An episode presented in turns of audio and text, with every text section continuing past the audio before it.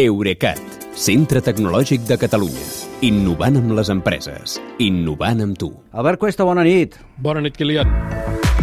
UNICEF instal·la a Barcelona el seu centre tecnològic per connectar a internet les escoles del món, és així?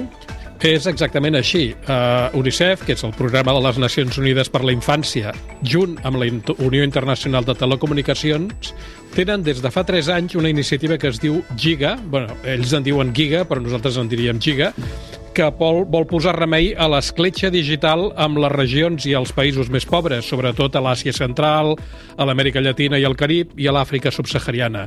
Es veu que en aquestes zones hi ha més de 500 milions d'alumnes que estan literalment desconnectats i, per tant, eh, això els penalitza en termes de salut, d'identitat, d'igualtat de gènere, d'educació i fins i tot de futures possibilitats laborals, diguéssim. Mm -hmm. Doncs aquest projecte, aquesta iniciativa Giga, que fins ara operava des de Nova York, ha traslladat la seu central a Suïssa, però la majoria dels seus especialistes treballaran des del Poble Nou de Barcelona al recinte de Calalier, que per cert és el mateix on l'empresa nord-americana Cisco ja hi té un centre d'innovació amb ciutats intel·ligents i el mateix lloc on aviat instal·laran un laboratori per dissenyar xips de connectivitat, com vam explicar. Sí.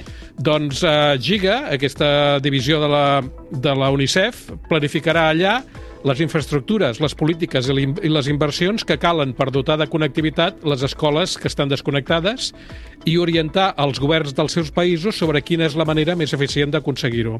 Fins ara, Giga col·labora amb una vintena d'estats que els ho han demanat amb implicació de les seves màximes autoritats a nivell de presidència i porta mobilitzats més de 1.200 milions de dòlars en finançament per connectar escoles. De quantes escoles estem parlant? Aviam, eh, hi ha una cosa que jo no sabia. S'estima que al món hi ha 6 milions d'escoles. Doncs Giga s'ha centrat en les de les zones aquestes que dèiem i en tenen registrades allà 2,1 milions. I precisament aquest registre d'escoles desconnectades, que es pot consultar en una web que es diu projectconnect.world, és una de les feines més importants que fan. És la primera, perquè per una banda es nodreixen de les dades que els proporcionen els governs, però aquestes dades sovint són incompletes. I per això han hagut de crear algoritmes d'aprenentatge automàtic que identifiquen centres educatius en imatges de satèl·lit, amb criteris com quin tipus d'edifici hi ha, si hi ha o no hi ha un pati de joc i si està pròxim a nuclis habitats. Amb aquest sistema, per exemple, diuen que han trobat a Colòmbia 7.000 escoles que el govern central del país no li constaven. 7.000, principalment 7 perquè principalment és perquè aquestes estan gestionades per les autoritats regionals i locals. Ja. Eh, I què fan quan tenen aquest cens mundial d'escoles? Doncs eh, aleshores comproven sobre el terreny si l'escola, cada escola disposa o no de connexió i així saben que dels 332.000 centres que porten visitats en 42 països, un 45% no tenen internet. Eh, després gestionen que alguna operadora els proporcioni l'accés a la xarxa, sigui fix, mòbil o últimament via satèl·lit. El millor és que un cop han connectat cada escola, Giga i instal·la una aplicació que verifica cada dia eh, com funciona aquella connexió, si aquella connexió està activa. I les dades que obtenen les apliquen a un altre dels, dels, dels, dels desenvolupaments que es faran a Barcelona que és una plataforma que a més està basada en el blockchain, en cadena de blocs, que el que fa és gestionar automàticament el pagament dels serveis a les operadores si segons hagin complert o no el compromís de rendiment que es va acordar amb el govern. Des de, la, es va, des de que es va crear Giga a l'any 2019, han connectat més de 5.500 escoles amb 2,1 milions d'alumnes. Però és que preveuen acabar l'any vinent, ja des d'aquí, multiplicant per 6 la quantitat d'escoles, o sigui, superant les 30.000, i per 8 eh, la d'estudiants arribant als eh, 15 milions.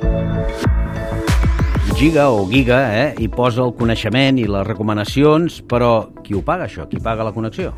Aviam, la connexió la paga sempre el govern de torn i per això UNICEF s'implica només amb els estats que els ho demanen i, com et deia, els hi demanen eh, les màximes autoritats. Dit això, eh, aquesta iniciativa té el suport de 14 socis que en diuen corporatius. Entre ells eh, hi ha empreses com Ericsson o Dell, la dels ordinadors, i l'operadora Liquid, i fundacions com Dubai Cares i la Fundació Musk. Aquest cognom en sona, eh, d'alguna cosa? I et sona bé, perquè és, eh, la Fundació Musk és la fundació benèfica dels germans Kimball i Elon Musk, que eh, és l'amo de Tesla, de SpaceX i ara, com hem dit sovint, també de Twitter.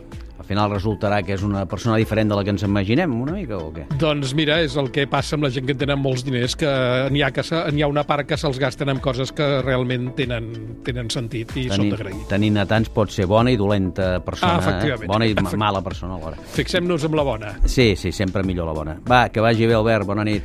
Bona nit, Kilian. Fins demà. Eurecat, centre tecnològic de Catalunya. Innovant amb les empreses. Innovant amb tu.